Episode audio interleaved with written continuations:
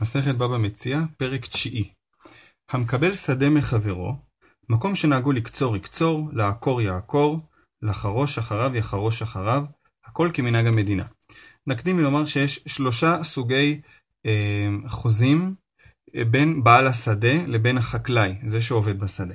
אחד נקרא אריסות, שבו האריס, שהוא ייקרא אצלנו בפרק המקבל, המקבל מתחייב לתת אחוז מסוים מהתוצרת. המקרה השני נקרא, הדבר שנקרא חוכר, ששם המקבל מקבל על עצמו לתת כמות קבועה, של, אבל של תוצרת. ויש לנו סוחר, שזה מישהו שנותן פשוט כסף, כמובן כמות ידועה או קבועה מראש. אז אם אה, עשו עסקה כזאת, הריסות, חכירה אה, למשל, והם אה, לא סיכמו את כל הפרטים מראש, בשביל זה יש את המשניות. מקום שנהגו לקצור, יקצור. כלומר, אם זה מקום שבו נוהגים שהמקבל אה, קוצר את השדה, אז יקצור. לעקור, יעקור. אם מקובל שה... שמקבל השדה עוקר את התבואה למשל, עם השורשים, אז הוא חייב לעקור, הוא לא יכול רק לקצור.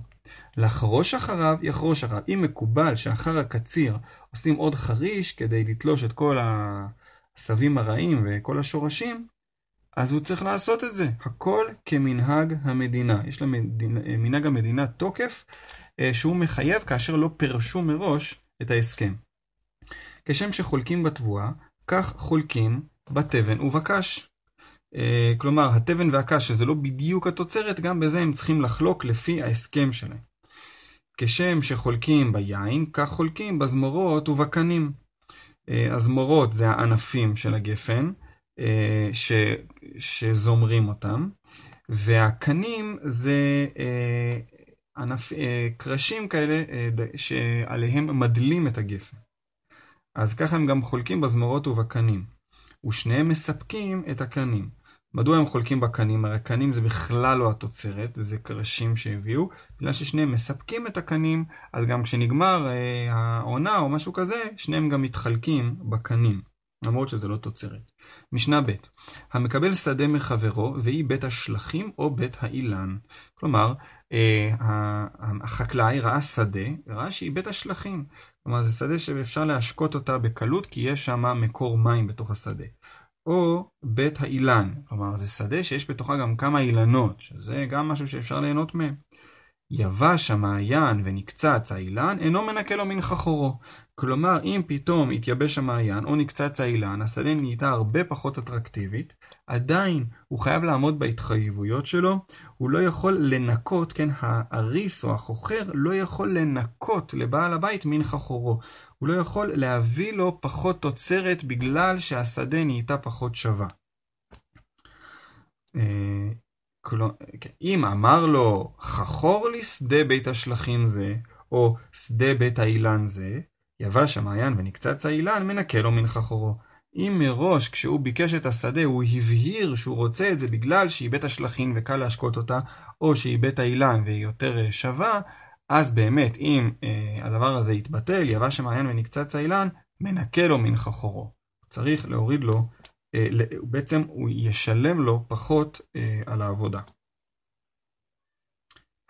האריס או החוכר ייתן פחות תוצרת לבעל הבית על העבודה שלו. משנה ג' המקבל שדה מחברו והובירה. כלומר, אדם קיבל שדה, קיבל על עצמו לעבוד בה, והוא החליט להתבטל והוא השאיר אותה בור, בורה. שמין אותה כמה ראויה לעשות, ונותן לו.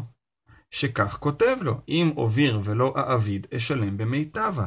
כלומר, בודקים כמה הסצנה הזאת ראויה לעבוד, ואת זה צריך האריס או החוכר לתת אה, לבעל השדה. למה? כי זה חלק מההסכם מה, אה, הסטנדרטי. אם אוביר ולא אעביד, כי אם אני לא אעבוד בשדה, או אני לא אה, אגדל לתבואה, אשלם במיטבה. אני צריך לשלם כאילו שהיא גדלה אה, מיטב, כן? כאילו שצמח שם אה, תוצרת טובה. משנה ד' המקבל שדה מחברו ולא רצה לנקש, ואמר לו, מה אכפת לך? הואיל ואני נותן לך חכורה. כלומר, אדם קיבל, החוכר קיבל שדה, אה, והוא לא רצה לנקש. כמובן שאם לא מנקשים את השדה, אז השדה נשארת, אז השדה מצמחת פחות טוב, כן, היא מצמחת פחות טוב. אבל כאן מדובר בחוכר. החוכר מראש יודע כמה הוא ישלם, ובעל הבית יודע כמה הוא יקבל. אז טוען החוכר ואומר, מה אכפת לך, הואיל ואני נותן לך חכורה, אני נותן לך מראש כמות קבועה. אין שומעים לו, מפני שיכול לומר לו, למחר אתה יוצא ממנה, והיא מעלה לפניי עשבים. זה עושה לי נזק גם לשנים הבאות, כשאתה תפסיק להיות החוכר, ומישהו אחר יבוא, או שאני אבוא, אני אסבול מזה. והוא חייב לנקש, כי ככה מקובל, שחוכר מנקש. משנה ה' המקבל שדה מחברו ולא עשתה. זה כבר לא באשמתו, הוא לא היה רשלן, היא לא עשתה. אה, הוא לא הצליח לגדל בה.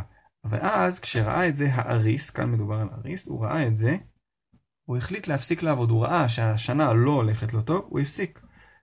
אה, הוא הפסיק לטפל בה. אם יש בה כדי להעמיד קרי, חייב לטפל בה. אומרת המשנה, הוא חייב להמשיך לעבוד בה, גם אם יצא לו תוצרת מאוד קטנה וגם הבעלים לא ירוויח מזה הרבה. למרות זאת, אם אפשר להעמיד שם קרי, כלומר ערימת תבואה, חייב להמשיך לטפל בה, כן? והוא יביא קצת לעצמו וקצת לבעל השדה. אמר רבי יהודה, מה קצבה בקרי? כלומר, איזה מין שיעור זה קרי? קרי זה יכול להיות הרבה, זה יכול להיות קצת. אלא אם יש בה כדי נפילה. צריך לתת אה, הגדרה אחרת. לא סתם ערימת תבואה, אלא אם השדה מסוגלת להצמיח כמות אה, זרעים שאפשר לזרוע בעזרתה בחזרה את השדה. אז חייב להמשיך לטפל בה. אם אפילו את זה לא, באמת האריס פטור מלהמשיך לטפל.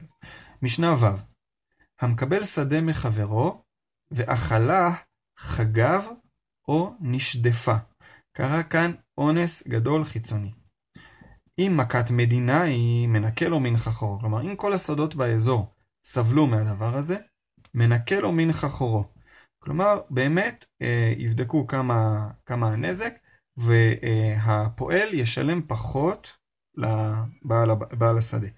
אם אינה מכת מדינה, אינו מנקה לו מן חכורו. למה? כי בעל הבית אומר אה, לחוכר, זה מזלך גרם לזה. כנראה חשבון של הקדוש ברוך הוא איתך, אני לא צריך לסבול מזה.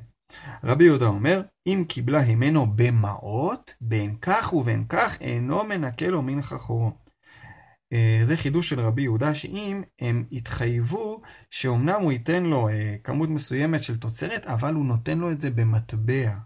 במקרה הזה, אינו מנקה לו מן חכורו. למה? זה כבר דומה לסוחר. בסוחר אף אחד לא מעלה בדעתו שהסוחר יסבול אם היה מכת הרבה. אומר רבי יהודה, אם הוא יתחייב לתת לו את זה במטבע, אז הוא דומה לסוחר, ולכן אם אינה מכת מדינה, אה, סליחה, אפילו אם זה מכת מדינה, הוא לא יכול לנקות לו מחכורו. משנה ז' המקבל שדה מחברו בעשרת קוראים חיטים לשנה.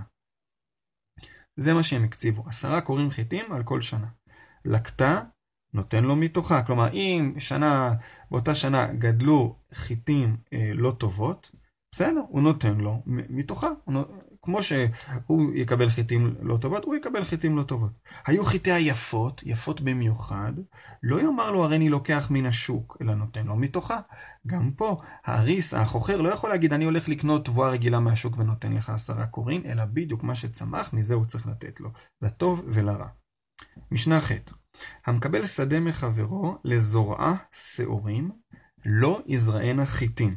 הוא קיבל על עצמו לזרוע שם שעורים, זה בשביל מאכל בהמה, לא יזרענה חיטים. למה? כי החיטים הם אה, מכחישות את הקרקע. שנה הבאה כשירצה בעל השדה להיכנס, הוא יקבל קרקע כבר אה, שקשה לגדל בה. חיטים יזרענה שעורים, ולכן אם באמת זה התכוון לזרוע חיטים, מותר לו בסוף לזרוע שעורים, כי בעצם מי שנתן את השדה רק מרוויח מזה. רבן ש... שמעון בן גמליאל אוסר, הוא אומר לא לא לא, זה לא עובד ככה. למה? פשוט בגלל שאדם אסור לו לשנות בדיבורו.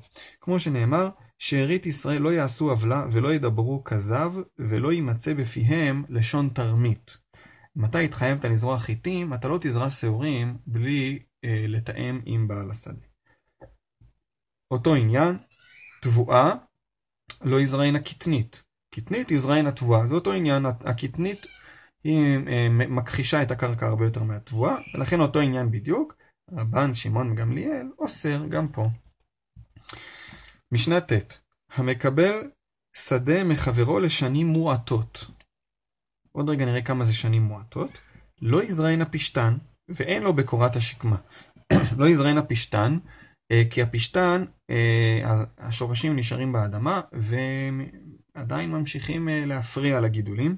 אז כיוון שזה לזמן מועט, בעל השדה יקבל את השדה בחזרה עם כל הבלגן הזה של השורשים של הפשתן, לכן אין לו זכות לזרוע שם פשתן. וכמו כן אין לו בקורת השקמה, אם היה לו שם עץ שקמה, הענפים שלה הם טובים בתור קורות, הוא לא יכול לחתוך את הענפים של, של השקמה, מפני שהם לא יספיקו לגדול ולהיות uh, גדולים בחזרה כשזה יחזור אל בעל הבית. קיבלה ממנו לשבע שנים, הנה זה ההגדרה של שנים מועטות פחות משבע שנים, אבל אם זה שבע שנים ומעלה, אז אם זה שבע שנים בדיוק, שנה ראשונה יזרען הפשתן. ויש לו בקורת השקמה. אז הוא יכול בשנה הראשונה לזרוע פשתן, כי עד שיגמרו השבע שנים השורשים כבר ייעלמו משם. ויש לו בקורת השקמה, כמובן, בשנה הראשונה. ומכאן מובן ש... כלומר, צריך את הפשתן ואת קורת השקמה, צריך שיישאר שבע שנים בין הדבר הזה עד שהוא מחזיר. משנה י' המקבל שדה מחברו לשבוע אחד. בשבע מאוד זוז. שבוע הכוונה אה, שבוע של השמיטה, אבל כתוב בחוזה את המילה שבוע. השביעית מן המניין. שנת השמיטה נחשבת בתוך השבוע הזה, וכתוב 700 זוז, כן, 100 זוז מתוכם זה על שנת השמיטה. בגלל הלשון שבוע. קיבלה הימנו שבע שנים בשבע מאות זוז, אין השביעית מן העניין. אם הם כתבו שבע שנים, אז מובן שהכוונה שבע שנות עבודה, ושבע מאות זוז, מאה זוז זה על השנה השמינית, ולא על השנה, לא על שנת השמיטה. אין השביעית מן המניין. משנה י"א עכשיו אנחנו עוברים להלכות ביומו תיתן שכרו. כתוב בספר דברים, לא תעשוק שכיר עני ואביון, מאחיך או מגריך אשר בארצך בשעריך, ביומו תיתן שכרו, ולא תבוא עליו השמש, כי עני הוא, ואליו הוא נושא את נפשו, ולא יקרא עליך אל אדוני, והיה בך חטא. ועוד נאמר בספר ויקרא, לא תלין פעולת שכיר איתך עד בוקר. על ההלכות האלה, חצי השני של הפרק אה, מדבר. משנה י"א, שכיר יום גובה כל הלילה. שכיר לילה גובה כל היום. כלומר, מה זה ביומו תיתן שכרו? אם הוא עבד איתך ביום, יש לך את כל הלילה לשלם. ואם עבר הלילה, אתה עובר על לא תלין פעולת שכיר איתך עד בוקר. אתה הלנת את השכר של הפעולה אה, איתך עד הבוקר. שכיר לילה גובה כל היום. יש לו את כל היום למחרת, לך, לבעל הבית, יש כל היום למחרת להחזיר לו. שכיר שעות גובה כל הלילה וכל היום. כלומר, וכל היום. מה הכוונה? אם הוא עבד איתך את השעות האלה בלילה, אז יש לך אה, עד סוף הלילה. אם הוא עבד איתך את השעות האלה ביום, יש לך את סוף היום. זה הכוונה כל היום וכל הלילה. כל הלילה אם הוא עבד בלילה, כל היום הוא עבד ביום. שכיר שבת, שכיר חודש, שכיר שנה, שכיר שבוע, כלומר הם לא עבדו איתך יום, אלא מספר ימים, נגיד שבת, או חודש, או שנה, או שבוע, זה שבע שנים. יצא ביום גובה כל היום, יצא בלילה גובה כל היום וכל כל הלילה וכל היום. כלומר, אם הוא סיים לעבוד ביום, הוא גובה את, עד סוף היום, כמו שכיר שעות. בלילה, גובה כל הלילה וכל היום. הגמרא מסבירה שזה דעה, דעה מיוחדת של רבי שמעון, אה, אבל לדעת תנא קמא, אם הוא סיים בלילה, הוא יגבה באמת עד סוף הלילה. משנה י"ב אחד שכר אדם ואחד שכר בהמה ואחד שכר כלים, יש בו משום ביומו תיתן שכרו. גם אם אדם שכר בהמה ממישהו לא, ולא את הבן אדם עצמו או את הכלים שלו, עדיין אותם הלכות בדיוק. צריך להחזיר לו לפי אותם הלכות. ויש בו משום לא תלין פעולת שכיר איתך עד בוקר, למרות שהשכיר זה נשמע בן אדם, לא, הכוונה כל דבר שאתה שכרת. אי מתי? מתי יש את האיסור הזה של, ביומות, של לא תלין? בזמן שטבעו לא תבעו, אינו עובר עליו. אם הוא בא ותבע את השכר שלו ואתה הלנת, או נמנעת מלתת, אז עובר עליו באיסורים שאמרנו. אבל אם לא תבעו, לא עובר עליו. המחהו אצל חנווני או אצל שולחני, אינו עובר עליו. כלומר, אם בתור תשלום הוא נתן לו המחאה שאותה אפשר לפרוע אצל חנווני או אצל שולחני, פשוט אצלם יש מזומן, גם כן אינו עובר עליו. כלומר, זה נחשב תשלום נאות, עם עם זה הוא ילך אל החנווני או אל השולחני. שכיר בזמנו נשבע ונוטל. כלומר, מגיע השכיר לפני בית דין ואומר, אני אה, ביקשתי מבעל הבית לשלם לי והוא לא שילם. אם הוא בא בזמנו, כלומר בתוך אותה, אותו זמן שאמרנו במשנה י"א שאפשר לגבות, אז, ש, ש, שחייב לפרוע, נשבע ונוטל.